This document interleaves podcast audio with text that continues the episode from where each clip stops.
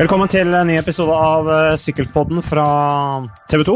eh, Hvor eh, jeg og ridder Johan Kaggestad, kaller deg fremdeles det når vi er på Sykkelpodden, fatter'n, har fått besøk av eh, selveste sykkelpresidenten, eh, Jan Olvar eh, Sørnes. Du ser litt sånn ubekvemt ubekvem ut når jeg sier selveste sykkelpresidenten, men du er tydeligvis en beskjeden kar. Velkommen uansett, Jan Olvar. Hyggelig at du vil komme. Du debuterer som Det er mye debattanter på podkasten her. Deb ja. Debutanter på, på podkasten. Og du er også debutant på podkast, er det sånn? Det stemmer. Velkommen. Takk. Eh, Du Jeg kom, syns, jeg syns ja. det er bare bryte inn. Jeg syns det er veldig hyggelig å ha en president her. Det er faktisk første vi har i podkasten. Og vesentlig hyggeligere enn om det har vært Donald Trump. Så det skal du ha med deg. Det er vi enige om, selv om dere akkurat snakket om at du har jo studert i eh, USA, Jan Olvar, og du har, eh, du har, en, en, du har en utrolig lang, uh, lang merittliste, det må jeg si. Altså, jeg veit nesten ikke hvor jeg skal begynne. Eh, jeg sitter her på alt det du har gjort, og alt det du holder på med av eh, av, eh, av studier og forskning og bøker og verv og jobber. Hva er det du vil trekke fram som eh, Hvordan vil du beskrive deg selv som, som, som person, Jan Olvar? Jeg skulle bli verdensmester på 800 meter. Og det trodde jeg på helt til jeg var 20 år. Eh, og når jeg var 20 Hva år hadde du på 800 da du var 20 år? da? Nei, jeg, jeg hadde Jo, jeg, jeg har eh, Persen min er 1,58,3, men jeg har 25 løp under to blank. Og Det det sier- er en eh, brukbar dametid. Ja, jeg er klar over det. Så er var altså. det var verdensrekord altså. for damer du skulle sett, eller for menn? Ja, altså, Navnet mitt er Jan, og Ja. Jan er et kvinnenavn i USA. Ja, så det, jeg har en del historier om det, men det, jeg prøvde meg som, som herreløper. Ja. Du tok altså sølv og bronse på henholdsvis 800 og da 1609 meter, altså mile, under delstatsmesterskapet i Idaho i 1985, da du var utvekslingsstudent der. Da, da, da, da. Og det bidro da til at du fikk eh, idrettsstipend eh, ved et amerikansk universitet. Hvor var det du var hen? Ja, på North Idaho College og senere på University of Idaho. Det er en av verdens beste syklister som eh, kommer fra et fulltime eh, scholarship i friidrett. Vet du hvem det er? Fra Idaho? Nå, ikke fra Idaho, han er fra, han er fra Canada. Han øh, fikk proffkontrakt 29 år gammel, altså sannsynligvis den eldste i profffeltet, øh, som førsteårsproff. Uh, han var øh, løp 3.57 på mile da han var 18 år, eller 17 år. Som er syklist i dag? Ja, han er faktisk en av verdens beste. Nå, dette er dagens quiz, president. Amerikansk, eh, Kanadisk. sykkelist. syklist. University of Michigan, hvis det kan hjelpe deg noe. Sannsynligvis ikke. Nei, det jeg, jeg må dessverre melde Michael der. Woods med bronsemedalje. Ja, ja, i Innsbruck og greier. Ja, tenk ja, deg det. Der ser du. Han ble altså uh, trent i filler, Mm. og så ble han syklist. Ja. Da han var 25 år. Det var derfor han begynte å sykle, Ja. pga. vonde bein. Ja. Og begynte å jobbe i sykkelbutikk. Og så kom veien via sykkelen og til Han rappa av sykkelen til fattern sin og begynte med såkalt cross-training. Og uh, du nevnte VM, men nå skal vi ikke snakke om Woods, da. Men uh, ellers så har du, du har to sønner som sykler også, Jan Olvar. Jeg er i hvert fall én, og han uh, har en datter også. Og, og Vegard er i Colorado. Begynte å studere der nå i høst og ønska å kombinere sykling på et relativt høyt nivå med studier. Det syns jeg egentlig er et bra valg fra hans side. Får han gått noe på ski i Colorado? Ja, eh, nordmenn blir jo automatisk eh, tagga eh, fra skilagene på de samme skolene. Ja. Eh, og på den skolen han går, så er det faktisk eh, eh, et sånt forhold der at de er litt territorielle, så de ønsker å beholde som syklist eller som, eh, som skiutøver. Eller som skiløper, da. Men eh, han bor på 1600 meter. Kjører han opp 1600 meter til, så er han på perfekte skiforhold. Der eh, skilaget på skolen trener. Det er interessant, det med sykkelstipend i eh, USA. Jeg husker faktisk vi eh, snakket litt om det for min del òg, når jeg var litt sånn i en fase av livet hvor jeg lurte litt på hva jeg skulle gjøre og bli og sånne ting. Så så vi på sykkelstipender i da USA. var det nesten ikke noen universiteter som hadde Jeg tror nesten ingen som har fulltime-stipend i dag ja, i USA. Så smart gjort. Ellers så, ja, men, ja. ellers så jeg bare tenkte jeg skulle ta litt mer eh, Jan Oddvar, for å bare bli litt kjent med sykkelpresidenten. Ja. Tross alt, når du er her på Sykkelpodden. Altså, du er trenerutdannet, eh, trener innen friidrett, langrenn, håndball, fotball og sykkel. Du er dommerutdannet, altså du er kommissær innen da sykkel og friidrett. eh, Og er da erfaren kommissær som blant annet har vært med Du var annet med i VM i Bergen, oppnevnt av Norges Sykkelforbund. eh, Vært med i diverse NM, UM, RM, lokale regionale ritt. Eh, Du var også leder for hovedkomiteen i NM landevei Bodø i 2016. Flott arrangement, gratulerer. Takk. Og så har du også vært speaker i Arctic Race of Norway, er ikke så? Jo, det stemmer. Fått vært med på litt av hvert. Så eh, du har, du har en utrolig bred erfaring fra idretten, det må jeg si. Det er uh, imponerende å, å se. Men så nå har du altså blitt Nå er det snart ett år siden du ble valgt til sykkelpresident. Uh, og jeg må jo si du har jo guts som tar jobben med det bakteppet som har vært i, i, etter sykkel-VM i Bergen. og det ulma jo ganske i den perioden. Var ganske, da var Sykkel-Norge delt ganske i to. Det var turbulent. Det var relativt dårlig stemning, vil jeg si. Hvordan har perioden vært siden den gang? Jeg tror For å innlede med det du nevnte, så jeg har et problem med å stå på sidelinja uten å ha en rolle. Så enten det er som uh, spiker når Innstranda har langrenns... Uh, eh, eller Junkeren har håndballkamp, så, så, så var det vel sånn da, gjennom den sjøltilliten, både som leder av NM på sykkel i Bodø i 2016 og, og fått eh, lært litt om sykkelsporten gjennom sønnen min, primært. da, at det eh, ble faktisk peka på at eh, det kunne være en, en mulighet eh, å, å, å gå inn og, og, og være med og ja, vær så ærlig å si gjenreise tilliten til, til norsk sykling og, og måten det ble leda på. Eh, Og Det satt egentlig litt langt inne, men heldigvis så, så, så er spontaniteten min litt kjappere enn enn en, en, eh, at man må bruke lang tid å tenke gjennom det. Så jeg sa ja, det vil jeg gjerne være med på. Og det angrer jeg egentlig ikke på, eh, selv om det har vært krevende. Det må være lov å si. Hvem var det som kom til deg i første omgang og spurte deg om det kunne vært interessant? Det var jo eh, Altså, valgkomiteen starta jo arbeidet sitt ganske tidlig, eh, fordi at eh, det også var et ekstraordinært eh, ting som, eh, som kom da. Men det var jo eh, i det her eh, I diverse fora man var i, da, så sa det at eh, Har du vurdert det og det? Og det har jeg jo egentlig ikke.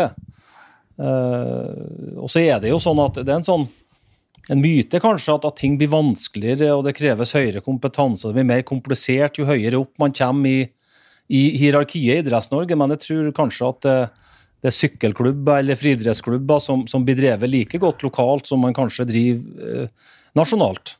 Sånn at det å, å, å gå inn i den rollen eh, ble jeg fortalt eh, skulle jeg føle meg trygg på at jeg sikkert kom til å klare, sammen med et godt team. Hvordan klarer du å kombinere det med øh, yrkes, yrket ditt? da? Hva er det du jobber med ellers?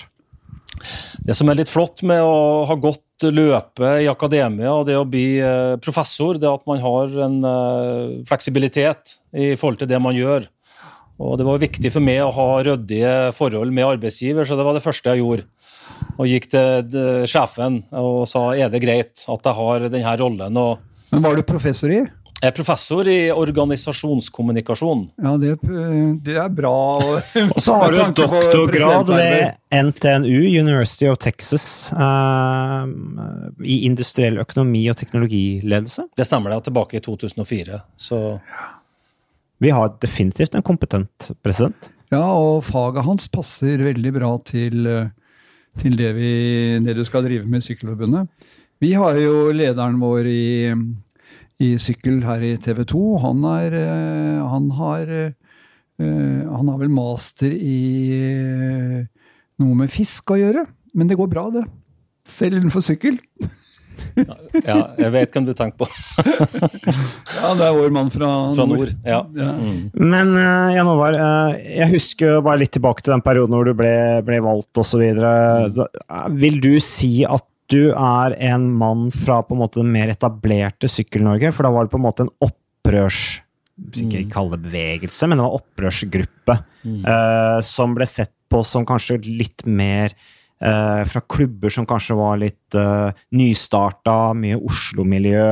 Eh, vil du si at du kommer på en måte fra mer det etablerte Sykkel-Norge, og at du representerte da den delen av Sykkel-Norge? Jeg er litt usikker på det. det. man må jo kjenne den strukturen og, og, og de valgberettigede mm. og, og, sånn for å, for å, komme ned i det. og jeg vet det ble diskutert også på tinget. Det var jo egne saker oppe for å få eventuelt uh, endra uh, hvem som kan stemme, hvem som har uh, stemmerett. da.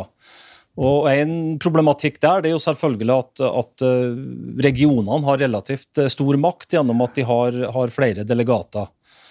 Eh, men når man ser på hvem det er som sitter i regionene, så er det jo ofte de samme folkene som er aktive i en klubb. Sånn at Hvis du ser på det helhetlig sett, så, så skjønner jeg at en påstand kan komme at, at regionene har stor makt, men egentlig så er det klubbene Eh, som gir at du får en, en, en større representasjon av Sykkel-Norge med at, at, regionene også har den delegatfordelinga de har. Sånn at uh, Oppfordringa kom uh, tydelig fra flere, flere regioner. Også, også, er det da konstaterer jeg sett i sammenheng med at noen regioner, eller én region, skilte seg spesielt ut til å være kritisk. Spesielt, og det var region sør? Det var region sør. Ja.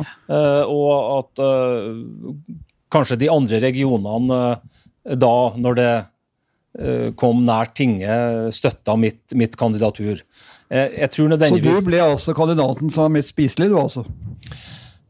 Ja, jeg skal være forsiktig med å dra opp historikken, for det kan dere mer av, av, av norsk sykkel. Men, men, det at vi, man fikk en president som ikke tilhørte de to maktsentrene i norsk sykkel, mm.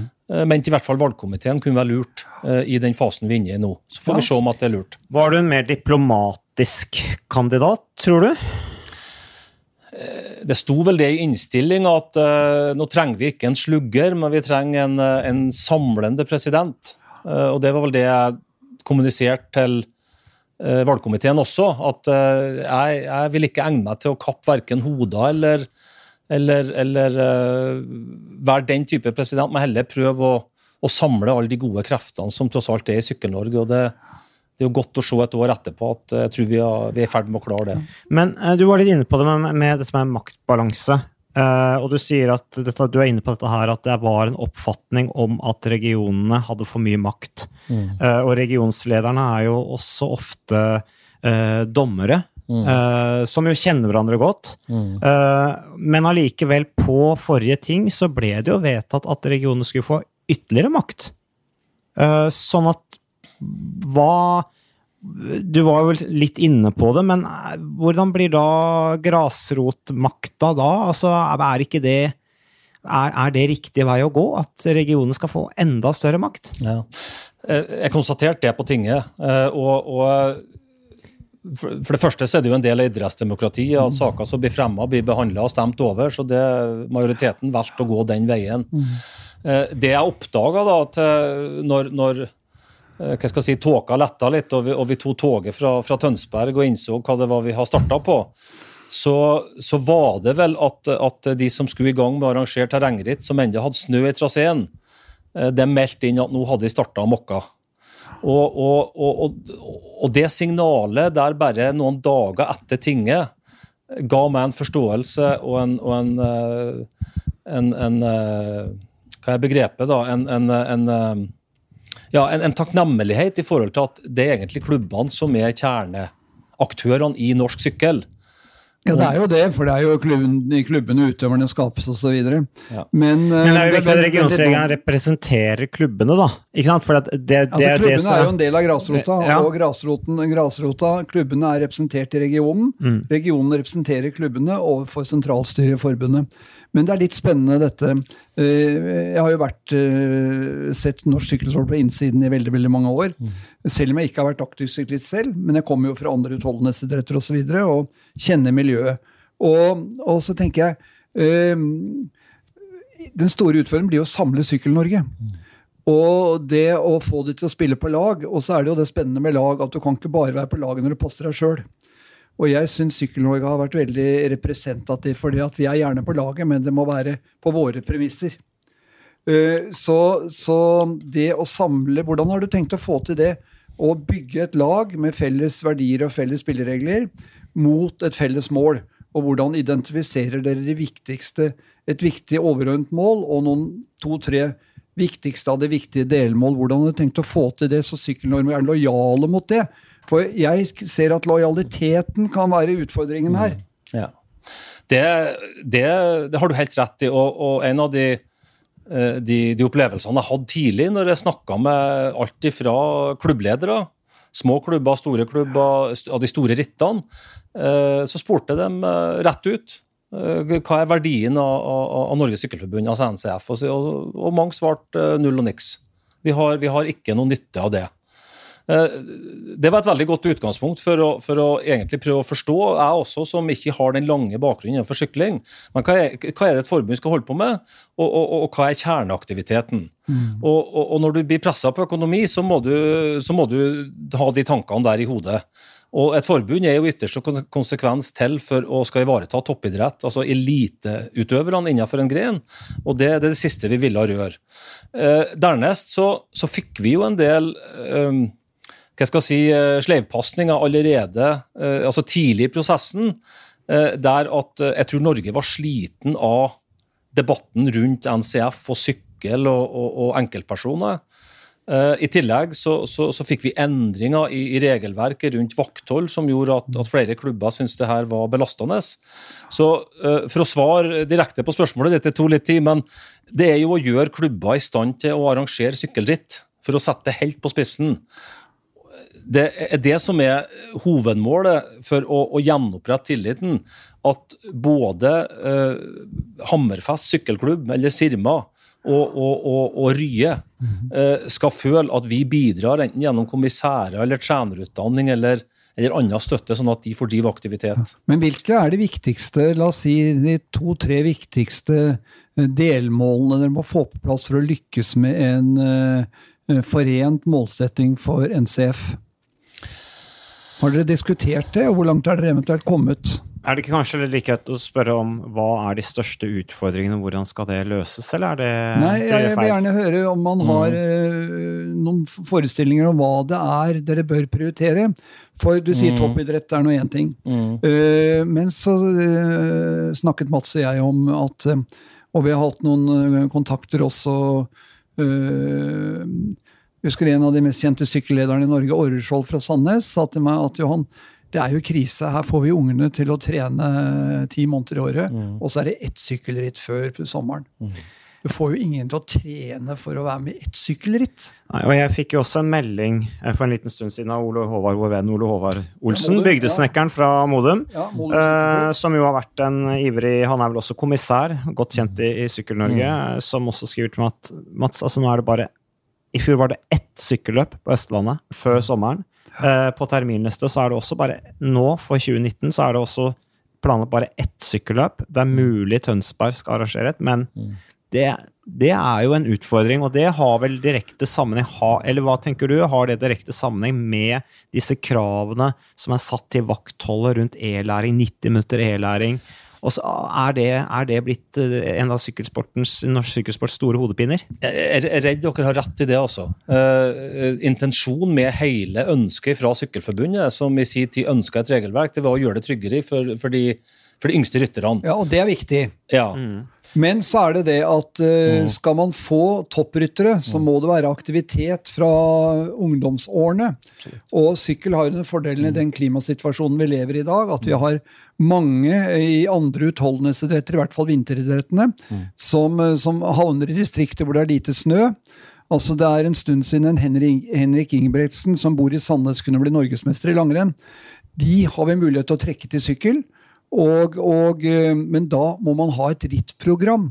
Og, og, så er det Hva må man endre på for å få til et godt rittprogram?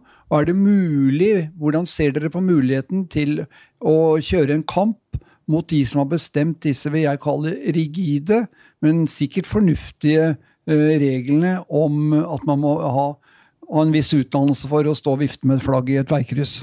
Ja, jeg kan ikke annet si at dere har helt rett i analysen. og, og Derfor er det jo også lagt opp til en, til en, samtale nå rundt hvordan det her har fungert. Og det er klart at eh, Frivillighet i forhold til å få det her gjennomført er jo greit hvis at du kan rekruttere noen på livstid, men de frivillige i sykkel det er en dynamisk gruppe. Mm. Det er foreldrene, det. Det er vet du. foreldrene, vet du. Ja. Så vi har jo utdanna Vi har utdanna sju og et halvt vakter i fjor totalt. Og vi kommer antagelig 7500 Sju og et halvt tusen. 7500, Ja. ja. Og i år kommer vi antagelig til å utdanne mellom 3000 til Ja, Men 4000. da er det bare å smelte, da er vi nok til mange sykkelritt. Ja. Hvorfor Det- er det da ikke flere sykkelritt Nei, og for det, de unge? ja, og det, det, det er et betimelig spørsmål, og, og det et lettvint svar fra meg kunne ha sagt at det her må genereres og, og, og skapes i klubbene, men, men, men vi må også være tydelige på å, å legge til rette da, gjennom å Ja, og der, Da skal jeg avbryte deg igjen, Mm. og det er litt uh, stygt, selvfølgelig. Men så er det det Hva Kan dere ikke sette dere et mål for hvor mange sykkelritt vi skal ha i hver region? Kan ikke regionene komme opp med det og forplikte seg til et visst antall sykkelritt, istedenfor å krangle om alt mulig rart? De må jo ta et målansvar for sin del av rittporteføljen.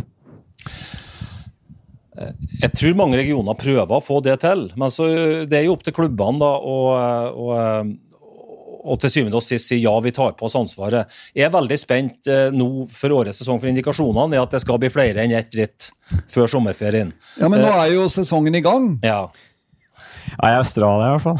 Ja, ja, men det er jo Ja. ikke lenge før i Eller Colombia. ja, Nei da. I Europa også, for så vidt. Ja da, men altså terminlista burde jo være på plass. Ja. ja. En, en ting som vi faktisk har snakka litt om, det, det er jo å vurdere at, at man, at man uh, rigger eller, eller, eller lager et, et, et arrangementsteam som faktisk reiser rundt. At hvis man, hvis man tar totaløkonomien i det, vil det være fornuftig? Eh, litt à la Tour de Kids of Norway, men med, med litt annen innretning. At man faktisk får, får brukt eh, hele, hele Ja, men man må ha et mål for hvor mange Hvis det er antall ritt er ett eller to i en region i 2018, hvor mange ritt skal det være i 2019? Bretter vi opp armene og står sammen om at vi skal øke dette i hver region, så får ungdommen vår flere konkurransetilbud. Det er mer og mer spennende for flere muligheter til å realisere potensialet sitt. Møte hverandre og bli venner. Alt det fine sosiale med, med, med idretten. Så, så min utfordring til dere er jo at dere målsetter disse viktigste områdene og utvikler dere på. Og da har jeg et spørsmål til deg igjen. Eh, Når du går av, hvor lenge har du tenkt å sitte forresten? Hvis du ikke blir sparka? Det blir du ikke, vet du. Nei, kanskje ikke. Nei, det jeg, er- jeg tror eh, det har vært veldig artig å fått vært med og bygd opp noe. Eh, med, med frie tøyler fra dag én eh, i en andre periode. Hva ønsker du skal være igjen etter deg når du går av som sykkelpresident? Nei, det skal ikke være at det var en redningsmann og at det er noen som fikk skipet på kjøl igjen. Det skal være at vi sitter igjen med noe reelt etterpå. Og en sånn kampsak som, som Selv som nordlending som jeg modererer meg litt i språkbruken, men som jeg syns er hinsides. Det er podden, så det går fint. Ja, det at vi må få bort kostnader som, som gjør at klubber ikke tar på seg ritt, deriblant politikostnader. Når de klarer det i andre land, eh, så må vi også klare det i Norge. Så vi må, også, også igjen For å svare på, på det opprinnelige spørsmålet ditt. Jeg, jeg prøver å, å lytte til kloke folk, dere inkludert. Eh, Gino, som Ja. nå er sportsdirektør i Dimension Data, sa kutt ut offisielle ritt, kjør treningsritt. Gjør det, gjør det enklere, ikke ha vakter. Gi faen, da, siden jeg fikk lov til å, å si det på podkasten. Er. Og, og sørg for at det er et tilbud til de unge. Gjør det enklere. Kanskje er det veien å gå. Eh, som sykkelforbund så må vi i hvert fall var, ha en dialog med myndighetene, sånn at, at, eh, at vi kan få til det. Men mange klubber gjør det i dag. Men det er spennende, og vi har jo diskutert dette før også i forbindelse med utgiftene til sykkel-VM. Men, men um, det er jo den store utgiften for sykkelklubber. Det er jo politikostnader og dekning av infrastruktur. Sykkelklubbene får jo ikke støtte til anlegg og tribuner og plastbakker og gud vet. Jeg bor jo i en kommune, jeg var jo hoppbakke, du hopper 260 meter omtrent. Der er det jo tippemidler som bidrar. Hvorfor kan, ikke, hvorfor kan dere ikke slåss for og skal få støtte av meg? Jeg sitter stiller gjerne i en sånn lenkeaksjon, jeg. eh, For å få, få til altså statsstøtte for å dekke disse uhyrlige politikostnadene, f.eks. Ja, jeg er helt enig. Og så er det sjelden en god strategi å, å, å, rakne på andre idretter. Det skal man ikke gjøre. Men, Nei, jeg rakner ikke ned, jeg sier at det er Nei. realiteten, men sykkel har ikke den Ja. muligheten. For vi har ikke, vi har ikke baner og anlegg. Nei, og, og det var det jeg også skulle si, at, at hvis vi nå tør å tenke tanken da, på at vi kanskje har nok hoppbakker i dette landet, så er det utrolig hva vi kunne ha bidratt med i infrastruktur til sykkel, som faktisk ikke har noe nasjonalanlegg. Vi bruker de veiene som ligger der, og, og har noen terrengparker, noen BMS-parker.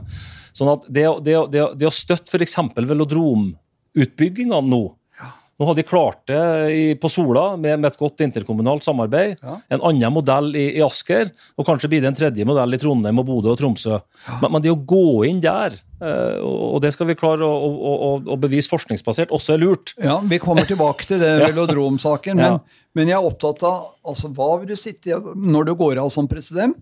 Og da sier du at legge til rette for større konkurranseaktivitet og aktivitet for de yngre. Sånn tolket jeg det. Absolutt. Så det skal vi følge opp på, vet du. Ja.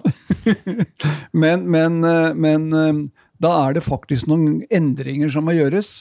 Og jeg syns at sykkelsporten er stemoderlig behandlet i forhold til andre eh, sammenlignbare idretter, i og med at det ikke er noe statsstøtteanlegg. Annet til til en fremtidig velodrom, da. Mm. Men det er jo en annen idrett i en banesykling kontra landeveissykling.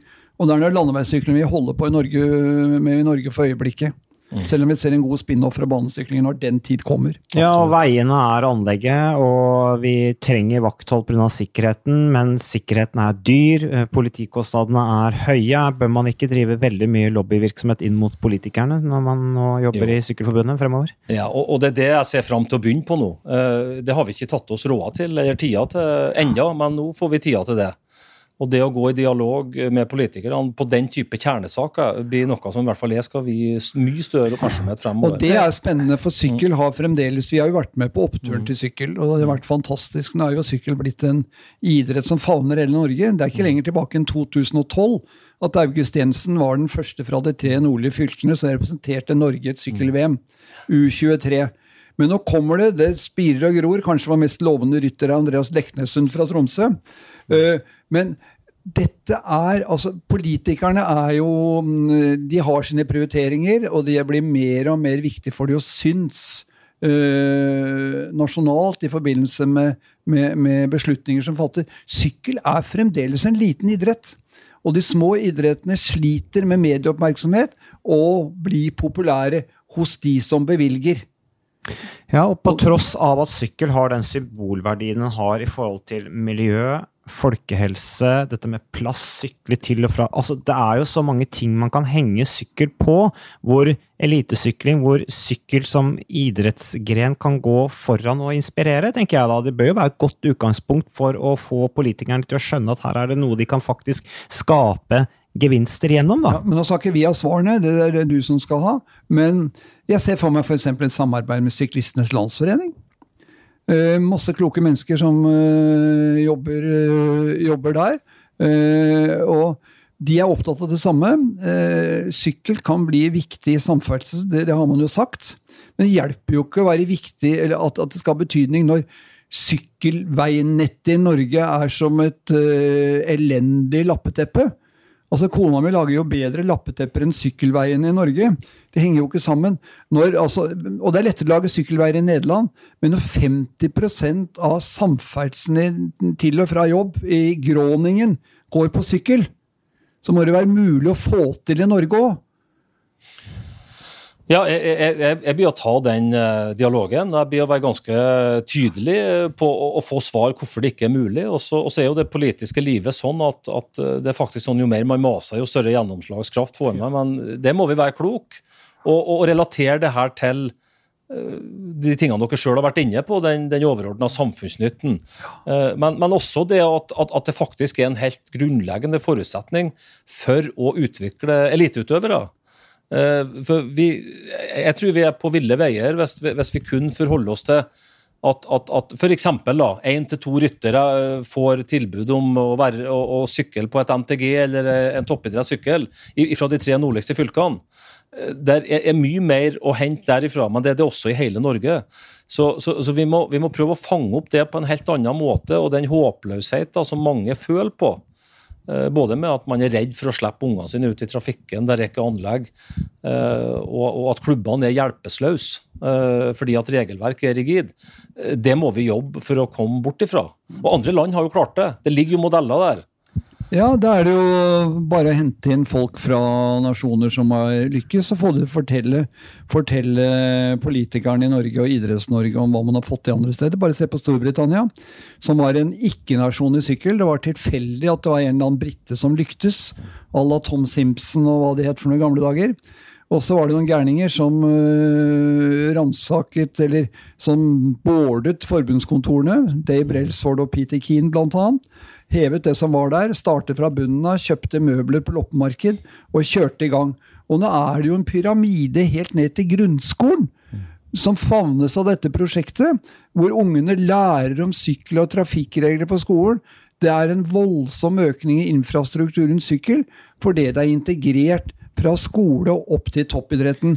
Vet du hvor mange gullmedaljer Storbritannia har tatt på sykkel de siste tre olympiske lekene? Jeg må dessverre melde pass. 22. Og vi syns det var uh, hurlumhei da Norge klarte fire medaljer totalt i Rio. Mm. Men der er du inne på noe spennende, fatter'n, og du var jo inne på det, Jan Oddvar. Dette her med velodromen. Mm. Uh, I forhold til elitesatsing, og i forhold til dette her å få uh, satse på norsk sykkelsport. Altså, der bør det jo Og jeg har jo kommentert litt banesykling uh, siste, siste halve året, og jeg ser jo at Altså, vi har én baneutøver som er med i worldcupen, Anita Yvonne Stenberg, som er topp ti innimellom.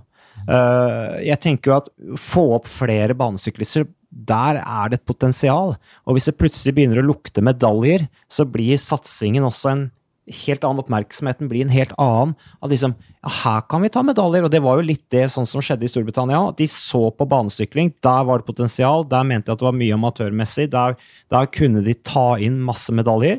Eh, og begynte å satse på det. Og så kom jo tilskuddene fra, fra britiske myndigheter. Ja, Vi var jo nær ved å få Tor Hushov til å satse på poenger i et uh, OL. For jeg mente, det, jeg mente at det, var skreddersydd for Tor, men det er nå så. Men altså, rittene, å få til en bedre dialog med politikerne og forstå hva sykkel er.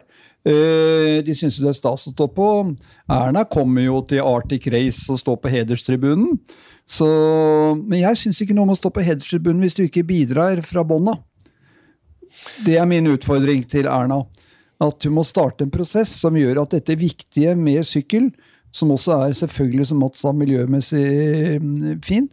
Det, der er det viktig å gjøre noe. Men hva annet er det for å få samla Sykkel-Norge rundt noen mål? Det er fint at de konkurrerer, men det må samles rundt noe som gir utvikling. Ja, jeg synes Det er sånn evig tema som kommer opp, som egentlig ikke har noe svar på, som er vel å, bruke som et svar likevel. og Det er jo hvordan vi skal få flere jenter inn, inn i sykkelsporten og, og rekruttere. og uh, når jeg møtte presidenten i det danske sykkelforbundet, så, så har de akkurat samme problem der. Uh, som er lang, en, en, langt større sykkelnasjon, og, og, i hvert fall på siste VM uh, hevda seg mye bedre.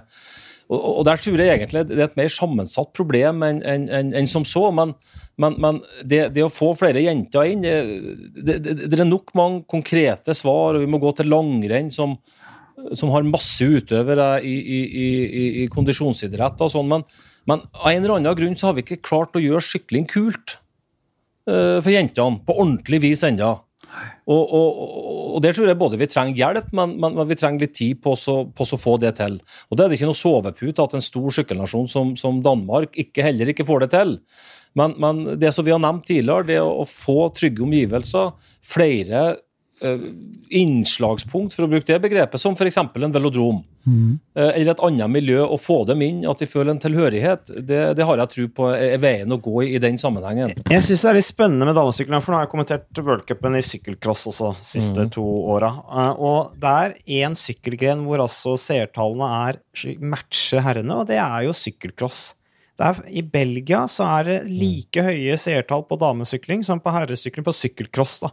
Eh, og det er også mye mer åpent, for på herresykling så har de jo Mathieu van de Poel og Walt van Eys som dominerer så utrolig. Mens i damesykling så er det mye mer åpent, mye mer spennende. Ja. Uh, og, og, og det, det, det, har jo noe med arenaen å gjøre, men det temaet vi er inne på nå, er jo mer et internasjonalt problem. Det er ikke bare noe som er Du snakker om Danmark, som også har altså, Det gjelder jo over hele linja. Mm. Der må jo på en måte Internasjonale Sykkelforbundet bidra, og man må gjøre noe med arrangementet. For jeg tenker liksom Jeg merker jo selv som kommentator at det er mye mer jeg, Det er mye lettere å følge med på eh, sykkelcross på damesiden og eh, banesykling på damesiden, for vi kommenterer jo rittene. Problemet er at vi sender jo ikke damerittene. Og det er jo en utfordring for damene, selvfølgelig. Så få fram mer flere dameritt i, i, i media er jo, eh, på, på landeveien er jo viktig. Damerittene er kortere, ofte mer intense og mer spenningsfylte generelt. Så det er jo en eh, vakker TV-idrett. Eh, grunnen til at det ikke er eh, mer fokus, er fordi det er menn som sitter og styrer dette her. Eh, men kan, det er ikke mange årene vi går tilbake i langrenn for kvinner. Altså Dagbladets eh, sportsredaktør sa jo det for eh, 50 år siden at damer bør ikke gå i langrenn, de ser jo ikke bra ut når de kommer i mål. Og så Da ringte han og spurte har du stått på Stampesletta på Lillehammer og sett disse mennene som raver i mål på Birkebeineren. Det er ikke noe vakkert syn, det, sa jeg. Jeg syns kvinnene ser atskillig bedre ut. Nå er jo langrenn for kvinner kanskje det mest populære vi har. Iallfall en av de mest populære grenene vi har TV-messig i Norge. Det tar tid å bygge opp. Det kom med den eh, generasjonen som Dag Kaas eh, tok tak i, hvor det ble i grunnen smilt og ledd litt, og du kan bare glemme det her med kvinnelangrenn, for du har jo østtyskere og russere og gud vet hva du har, finner. Eh, Det går jo ikke an å slå de, men jentene viste det, og etter det så har jo damelangrenn skutt i været. Men det må være tilbud, og det må bli akseptert på like linje med gutta. Hvordan Ja, Og så må det være felles arena som gutta, tror jeg også. Ja, men det hvordan får dere til dette med damene, da? Nei, og Det er en arena jeg ikke har vært på ennå, som jeg også ønska. Men nå så jeg Det europeiske sykkelforbundet klart å, å presse gjennom en tredjedel representasjon i, i styrer og stell. Ja, flott. Og, og, og som nordmann, da, som har levd, eh, og, så sier jeg herregud, det var på tide. Ja. Eh, Men det viser jo litt av, av holdninger og, og historikk i de her organisasjonene. og Det er klart at det er en barriere for den type utvikling. Det er ikke tvil om. Nei, det er noen utfordringer. Eh, Jeg spurte om hvordan du ønsker å se ettermeldet ditt. Du har vært, eh, hva du har fått til, hva du ønsker å få til. Du kan ikke få til dette aleine, men du, må, du, du leder nå dette. Og du må få samla dette eh, mangfoldigheten i norsk sykkel med alle småkongene til ett rike. En annen ting for, for du, Vi får avslutte det med velodrom. Eh, Sola er i gang. Der driver man og bygger. Eh, Spadetakene er tatt, og det, er, det blir realisert, det vet vi. Eh, og men så er det denne Asker-velodromen. Eh, I Innsbruck-VM så sa du i et intervju i TV 2-sporten at du var ganske sikker på at det kom til å bli realisert. Eh, er det fremdeles sånn at du er sikker på at Asker-velodromen kommer til å bli realisert? Ja, det vil jeg si. Nå, nå er det eh, Dag Sjartum Hansen som eh, var konstituert vis, eh, generalsekretær en stund, som jobba primært med det. Har et veldig godt team med seg, eh, der Asker kommune og, og, og nabokommunene er, er sterkt med. Så jeg, jeg er ganske sikker på at vi skal få det til. Men så må vi huske på at det er en litt annen måte, med en større innslag av private investorer, næringsliv, NTG-skoler, barnehage. så det, det, er en litt annen måte å tenke prosjekt på enn det som var på Sola. Så, så vi har fått bryne oss øh, på en litt annen måte. Men for oss svare har, så er jeg ganske sikker på at vi får det til. Det høres jo lovende ut med rekrutteringa at de skal ha barne velodrombarnehage på Asker. Det er jeg for. Sykkelbarnehage, det er spennende. Nei, for Jeg har lyst til å utfordre deg på det også. Nå har vi ikke hatt velodrom i Norge siden de hogg opp den der i 1993. Ble eh, Norges dyreste peisved. Eh, hvorfor skal man da plutselig bygge to, når man ikke har klart å bygge én? tenker jeg. Og eh, hvorfor skal man slåss igjen? Det er jo typisk norsk sykkel. Nå skal vi slåss om hvor denne velodromen skal ligge, ligge, og vi skal krangle og vi skal slenge dritt i hverandre. Hvorfor kan man ikke heller gå sammen om flott at vi får en velodrom på Sola? Den har internasjonale mål, hvilket ikke er til hinder for å ha en velodrom. Det får jo ikke Asker. Eh, og Ja, for Asker blir en treningsvelodrom. ja, det, Men med mesterskap for junior. Den, ja, er- den er ja, nok for det. La oss konsentrere oss om mesterskap for junior, da. Det holder ikke, vet du. Og så er det jo det med kan man, hvor, hvor- Hvorfor skal alt eh, i sykkel ligge i Bærum og Asker? Hvorfor kan man ikke si at søren meg, vi flytter hele sentrum av Sykkel-Norge ut i distriktet, hvor det ikke er tungtransport som hviner rundt øra på de som sykler, ut av velodromen, på landeveistrening. Legger det til Sola, hvor det er flott sykkelinfrastruktur. Det er kort vei til bakker for de som ønsker å trene i bakker. Og det er et miljø med kjempekunnskap, og du kan flytte hele NTG-greia ut i Sola. Det er kort vei til en internasjonal flyplass.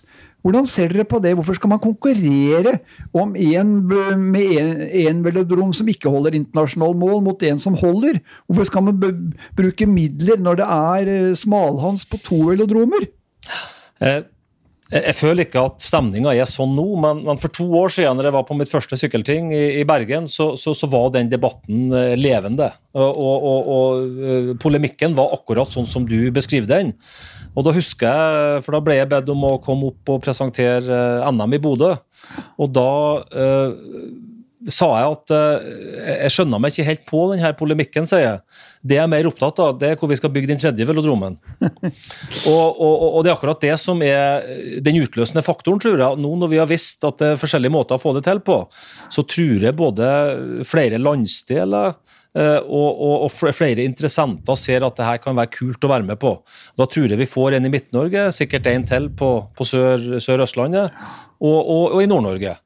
Og Da oppnår vi litt av det du er ute etter, og der uh, tror jeg vi har et, et potensial som, som sjøl jeg ikke skjønner. Men Hva prioriterer dere nå? Hvilken velodrom skal først opp og stå? Nei, det er Sola. De, de er i gang. Den er, ja, nettopp, så de da er, er, vi ferdig med det. Ja, absolutt. Men hva gjør dere da for å bygge et miljø rundt Sola? Ut, utnytte det flotte miljøet de har, faglig? Eh, mm. og sykkelmessig i Rogaland. I tillegg så har de et meget kompetent forskermiljø rundt utholdenhetsidrett.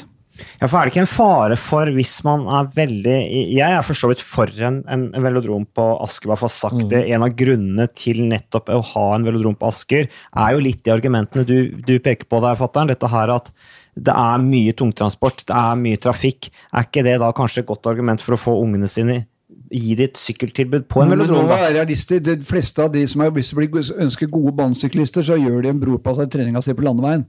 Og det kommer du ikke unna. Det er bare å se på Storbritannia. Det er det er ikke grunn til å lære Storbritannia og Australia er foregangslandene på de landene som har klart å kombinere. Startet med en utvikling på banesykling, og begge nasjonene har blitt en av verdens beste landeveissykkelnasjoner. Så det er kombinasjonen her. De skilte jo ikke på banesyklister og landeveissyklister før disse gutta rykket opp i i U23-klassen, de.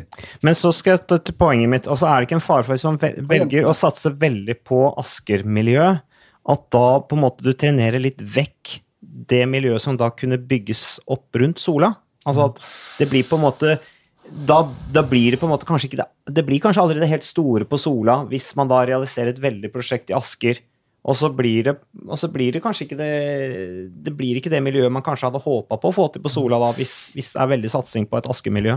Jeg, jeg, jeg, tror, jeg, tror, vi kommer til å bli overraska. I hvert fall en indikasjon på det at det finnes nok av ressurspersoner. May-Britt Våland, som, som, da er sitt nært Sola-prosjektet, som har sølv eh, i banesykling for ganske mange år tilbake siden, bodd mange år i USA. Eh, kjører kurs for flere regioner nå, var nå senest i, eh, i Odense med, med Region Øst.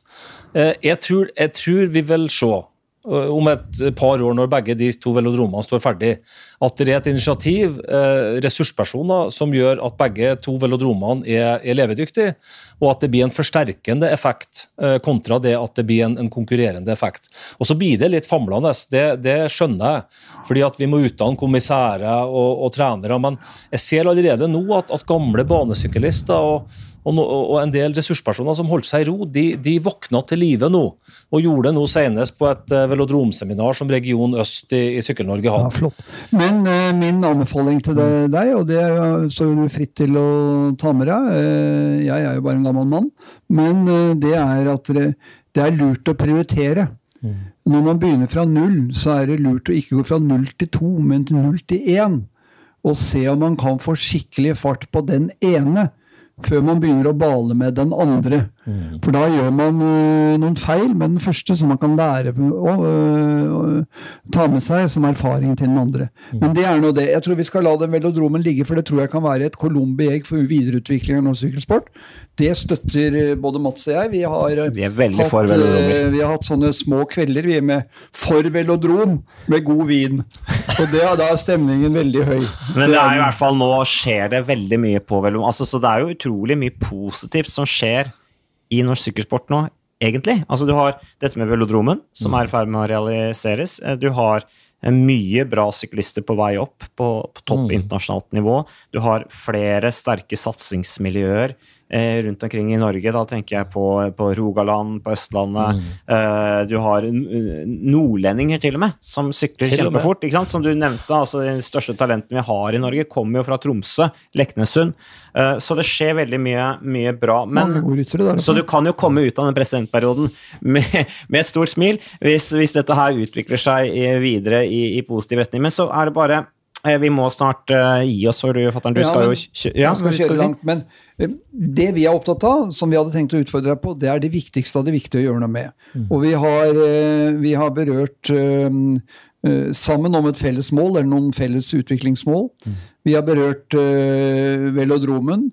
En ting jeg har lyst til å berøre også det. Hva, hva gjør dere med den? Hvor skakkjørt er denne økonomien for Sykkelforbundet i dag? Og hvordan påvirker det driften de kommende tre årene? Ja, eh, Jeg snakka med generalsekretæren, og det jeg fikk lov til å si, det var det at vi har gått med et eh, langt større overskudd i år enn det vi har budsjettert med. Eh, Så kommer det et revidert regnskap og, og tall på det på fellesmøtet på Gardermoen 9.3. Men Sykkelforbundet var jo hovedaksjonær i Bergen 2017. Ja. Og det var også et etterslep fra VM på Hafjell. Eh, hvordan det ble tatt inn i regnskapet til 2017, det kan vel sikkert diskuteres i forhold til aksjeloven. Om eh, det var en godkjent måte å gjøre det på. Men det er jo, siden man hefter for eh, Bergen 2017s gjeld, så må jo det påvirke handlingsrommet for Norges Sykkelforbund økonomisk. Dere har et isolert positivt driftsregnskap. Gratulerer. Dere har skåret både i øst og vest, og det er nødvendig å gjøre i krisesituasjoner. Men det er jo noe gammel guffe som må ligge og bremse. altså. Ja, det, det er helt korrekt. Ja. Vi har publisert en redegjørelse. Det var en av de første tingene vi, vi bruka tid på å sette oss inn i. Det var både forholdet mellom NCF og, og Bergen 2017. Fordi at det var representasjon av, av, av, av, folk som var med i, i begge leirene. Eh, Det som ligger i den rapporten som er fullt offentlig, det var at gjelda, altså den kontraktsmessige forpliktelsen vi har til UCI, er på ca. 15 norske millioner. Og så var det jo det her eh, som er beskrevet eh, mye, de fem millionene som gikk rett fra vår egenkapital til det depositumet som da, som da UCI tok. Så uh, worst case, sånn som vi har vurdert det, så er gjelda vår på mellom 9,5 til 10 norske millioner.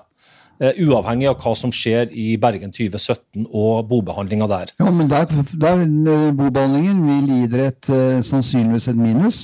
Og de pengene som skal, skal eh, godtgjøres kreditorene, må jo tas fra et sted. Ja, men ikke fra oss. Nei. Da slipper dere billig unna, rett og slett. Men, eh, men hvordan vil det påvirke aktiviteten de tre nærmeste årene? da, Den økonomiske situasjonen? Dere har jo skåret, og dere har skåret veldig bra. Ja, det, det, det er et godt spørsmål, og det har vi jo i, i de langsiktige planene òg. At vi må jo ikke bare gå med overskudd og sørge for å drive eh, fornuftig i forhold til sportslig satsing, men vi må også ha en avsetning, sånn at vi kan betjene et eventuelt lån. Eh, Det jeg også kan være åpen på, det er at vi har inngått en det vi, som heter standstill-avtale på fagspråket med UCI, eh, som, som tilsier at de avventer bobehandlinga mot at vi ikke eh, kommer med noe krav, eller de belaster noe noe rente eller avgifter på det. Så når borapporten blir lagt fram, så går vi i forhandlinger med UCI om den sluttgjelda. Men da må vi Worst case så blir jo det en nedbetaling av de ti millionene. Og de, skal, de har sagt de skal være fleksible på det, men da må vi i hvert fall ha en million i året å sette av de neste ti årene for å få det Ja, betalt. det må altså inn på utgiftssiden, kostnadssiden. Uh, som reduserer aktivitet igjen hvis man ikke klarer å skaffe tilsvarende ekstra inntekter. Eh, det, er, eh, det er eh, interessant. Det også vesses jo knivene, da. Fra region sør. Det er bare å åpne avisa i dag og lese nettsidene. Terje Johansen. Johnsen, ja. Johnsen, ja. Eh, vet du persen hans på 1500, forresten? ja, det har han sagt en gang. Han, eh, den er bedre enn min. Hver ening, ja, vesentlig bedre. Han var langt ned på 340-tallet på 1500. Han har lange ben Ja. eh, der igjen. Uh, Ryegutten opprinnelig. Han til sykkel via barn som sykla i Rye. Men nå skal man jo da Nå er det nå, nå skal folk straffes. Nå skal de henges opp etter øra, opp etter veggen. Uh, det jeg sier, det er at uh, for guds ikke begynne å- henrette folk før tiden. Men, men, eh, men, det har jo skjedd en del ting her. Jeg tror det eh, mest fair er at ikke dere Signalene jeg tolket fra Sykkelforbundet, var at nå stikker vi hodet i sanden og lar det gå over. Eh, det syns jeg er feigt. Hvis det er det dere har tenkt. Men dere bør gå inn og se har det vært noe brudd på reglene, spillereglene som gjelder internt i Norges Sykkelforbund, mm. i Norges idrettsforbund og i forhold til aksjeloven. De tre tingene bør undersøkes grundig og nøye, og det bør komme en objektiv rapport. Og så får noen vurdere om det er grunnlag for noe eh, strafferettslig eller straffeforføyninger. Mm. Men først og fremst må det på bordet. Og jeg er også opptatt av en annen ting. Hvem var det som lot det skje? For det må jo ha vært et styre over her som ikke har fulgt med i timen. Og de er jo ansvarlig for uh, selskapets uh, økonomiske misere. Og så har jeg også sagt, som forsvar for Sykkelforbundet, hvor er norsk idrett hen? For Sykkelforbundet er etter min mening en del av det konsernet som heter Norges idrettsforbund. Eh, idrettens omdømme det, det etableres på bakgrunn av hvordan de forskjellige særforbundene uh, håndterer sine, sine handlinger. Og hvis da, da må det være noen på toppen nå som følger med. Hvor var de igjen, da? Sov de i timen? Dette blir en kjempespennende case som kan hjelpe norsk idrett i fremtiden for å unngå lignende blamasjer. Det kommer jo et idrettsting eh, også ja. senere i år, som jo blir spennende. Syns, hva syns du om det? Der, ja. Jeg tok det opp, det ble skrevet i Dagbladet. Mm. Og generalstjernen i Idrettsforbundet sier ja, det har ikke vi noe med. Det er liksom Det har de! de, de har faktisk, etter min mening, et overordnet ansvar for det som skjer i norsk idrett og i særidrettsforbundene. Mm. Hvordan ser du på det? Det ble, det ble, flere spørsmål der. Jeg vet ikke om jeg skal ta det i rekkefølge. Men, men eh, for å svare på, på, på, to temaer som du er inne på, så, så, så stikker vi ikke hodet i sanda. Vi har brukt eh, metaforen at vi har satt en strek bak hælen, men det betyr ikke at vi at vi, at vi tar avstand fra eller, eller, aldri skal gå tilbake og adressere det som skjedde med økonomien og, og lederskapet i Bergen 2017. Det, det vi har vært ryddige på, som, som, relatert til den saken nå som er meldt inn fra Region Sør og Terje Johnsen, det er at, at vi fortsatt står på. Eh, og, og så sender vi det også til, eh, til, eh, til lovutvalget i, i Sykkelforbundet og til NIFs juridisk avdeling for en vurdering av, av det hjemmelsgrunnlaget som, som, det brevet inneholder. Eh, det, det, vi fortsatt står på, det er nok at vi syns det er en fragmentering av den prosessen vi har lagt opp til, at vi vil avvente borapporten, for der kommer det noe fram der. Så kan det bli at det blir en rettslig oppfølging i, i rettsapparatet, men så kan det også bli en anmodning om at vi skal følge opp i, i, i det idrettslige systemet. Så, så, så det syns vi blir den ryddigste måten. Uh, og, og, som dere også, eller du var inne på, så, så hadde det ikke gagna norsk sykkelsport uh, å brukt energi på å kappe folk tidlig. Uh, egentlig så var det ganske kjærkomment at det ble litt stilt for oss i det nye styret. Etter Bergen 2017 har vi fått brukt tida på å stabilisere organisasjonen, vise et positivt driftsresultat. Så til det siste, eh, om at ikke Idretts-Norge, gjerne med NIF, skal, skal, ha et større ansvar. Eh, jeg, jeg, jeg skal ikke dømme de som, de som satt i styret og stell, men at det bør være noen kontrollmekanismer som fanger opp de her tingene underveis, det er helt åpenbart. Eh, det at, at man tillot at det her gikk så gærent uten at det gikk noen varsellamper, eh, det er, det er interessant. Og det skal bli interessant å se hva Boe eh, klarer å dokumentere akkurat i forhold til det. Eh, når det er sagt, så føler jeg en enorm støtte fra NIF, og, og, og også president, som har vært veldig opptatt av, av, av våre behov, eh, problemstillinger vi har, og hva slags type hjelp de kan yte. Ja, det var godt å høre. Så, så, så det kan jeg med hånda på hjertet si at, at der har Tom Tvedt vært, vært, god akkurat i å følge opp. Ring meg ukentlig, hør hvordan det går, ja, hva slags hjelp trenger vi. Og, og, og, det har i hvert fall farga mitt syn av, av, den støtten jeg har fått som president. Ja, det er strålende. Så kan det hende at det forholdet var, var forskjellig tidligere, men øh, jeg føler i hvert fall støtte derifra. Ja, det, det var godt å høre. Det gjør... Mm det gjør meg veldig glad. Og så er det jo to av de viktigste verdiene som ledere i Idretts-Norge har strevet med de siste årene, er jo åpenhet og tydelighet. Mm. Uh, hva har dere tenkt å gjøre for å bli ekstra gode på åpenhet og tydelighet i forhold til omgivelsene? Jeg tror, jeg tror et grep da, som, som, som sikkert kan bli oppfatta som, uh, som et, uh, en kritikk til tidligere regimer, og som jeg tror kanskje kan være et generelt problem i idretten uh, andre steder også. Men det, det er jo det at, at, for meg så hadde det vært viktig å, å vært med nå i å, å konstatere ståa i Norsk Sykkelforbund, være med å rydde opp, men så ta en distanse til administrasjonen. Mm. Sånn at man tydeliggjør rollene Eh, og at eh, min primære dialog skal være med generalsekretær. Eh, og at jeg nødvendigvis ikke skal være en person som, som går der og vanker i miljøet. Jeg, jeg, tror nok det kanskje kan ha vært med og, og, og bidratt til, til en, en, en, Hva jeg skal kalle det?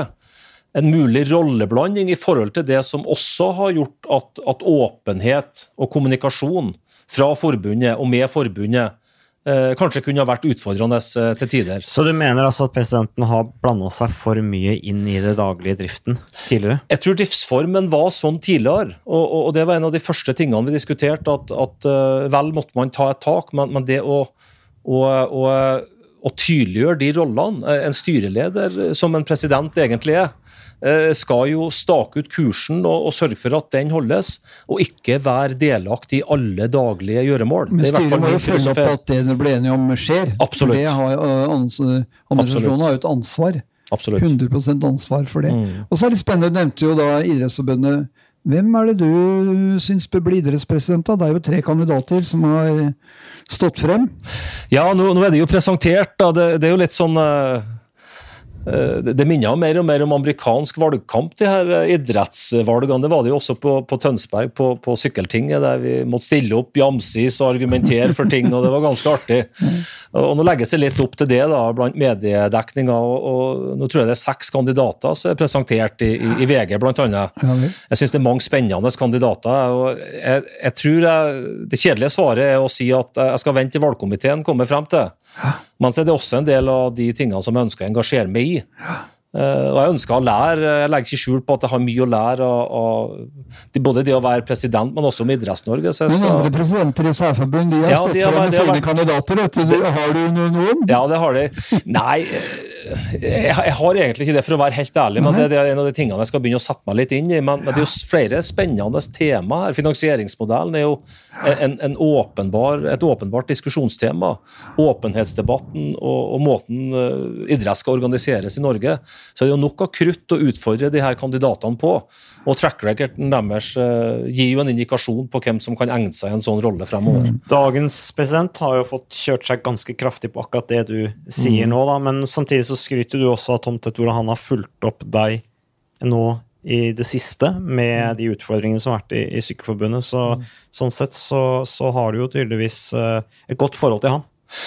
Ja, I forhold til min rolle og, og sånn jeg har lært å kjenne Tom Tvedt og, og, og, flere i, i, i NIF, så, så, har jeg bare positive ting å, å si der.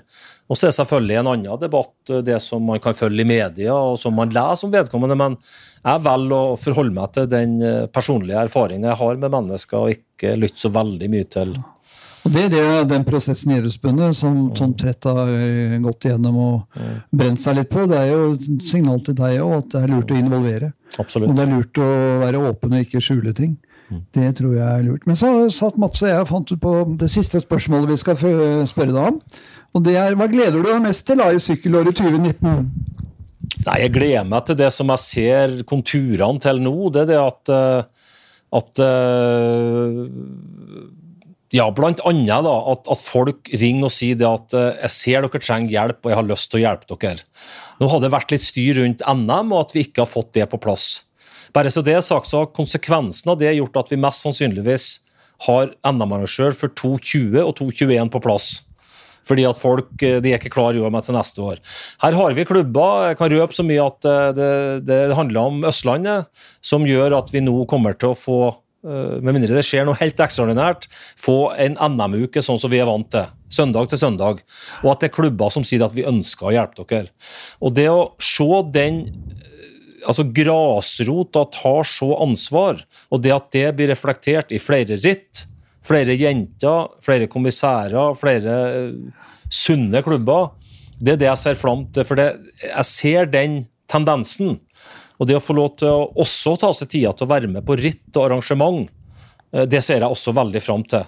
Å få lov til å møte de som, som jobber dag ut og dag inn, som aldri verken har møtt en sykkelpresident eller blitt satt pris på. Og, så det, Den jobben ser jeg fatt, lyst, lyst på å, ta fatt på. Ja, vi gleder oss til å se en president som er til stede, øh, og som gir gode klapp på ryggen til de som står i veikryssa og de som serverer suppe og holder på. Så bra innspill. Øh, hva gleder du deg mest til, Mats? Jo, altså, Når det gjelder norsk sykkelsport, så syns jeg det er veldig spennende å se alt det vi har, utvikle på alt det vi har snakket om nå. Så er dette med velodrom. Jeg gleder meg til å se at den er oppe. Da må vi jo reise til Telesykkel-Norge og, og, feire det, syns jeg. Uh, og, og, jeg syns jo det er spennende med, med, dette her som skjer med, med, med Uno X. Og så syns jeg også at det er viktig nå hva som skjer med damesykling. For jeg følte det var en positiv giv i 2018 rundt damesykling, også i Norge. Eh, også her fra TV-kanalen, med sende Ladies Tour of Norway. Eh, internasjonalt også mye fokus på dette her. Flere World Tour-lag som satset også på damelag osv. Jeg syns det er synd eh, hvis ikke den utviklingen nå skal, skal gå i riktig retning. Ja, men, altså, men helt sånn det er jo det vanlige jeg ser fram til. Det er, det er, Tour de France, det er klassikerne, det er de tingene der. Uh, og, så, og, så, gleder jeg meg til å se utviklingen på de norske hardtsatsende sykkelrytterne og hvilket engasjement de skaper. Sånne ting, for eksempel, ja.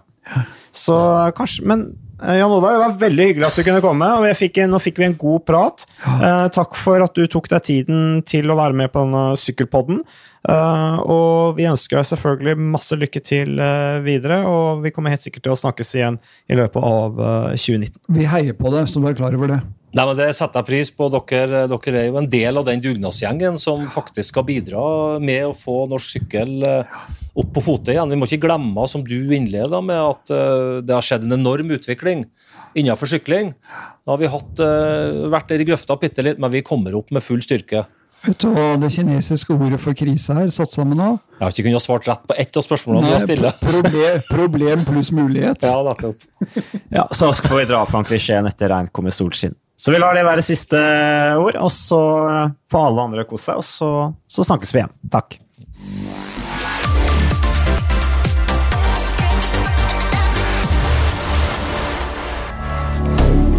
Moderne media.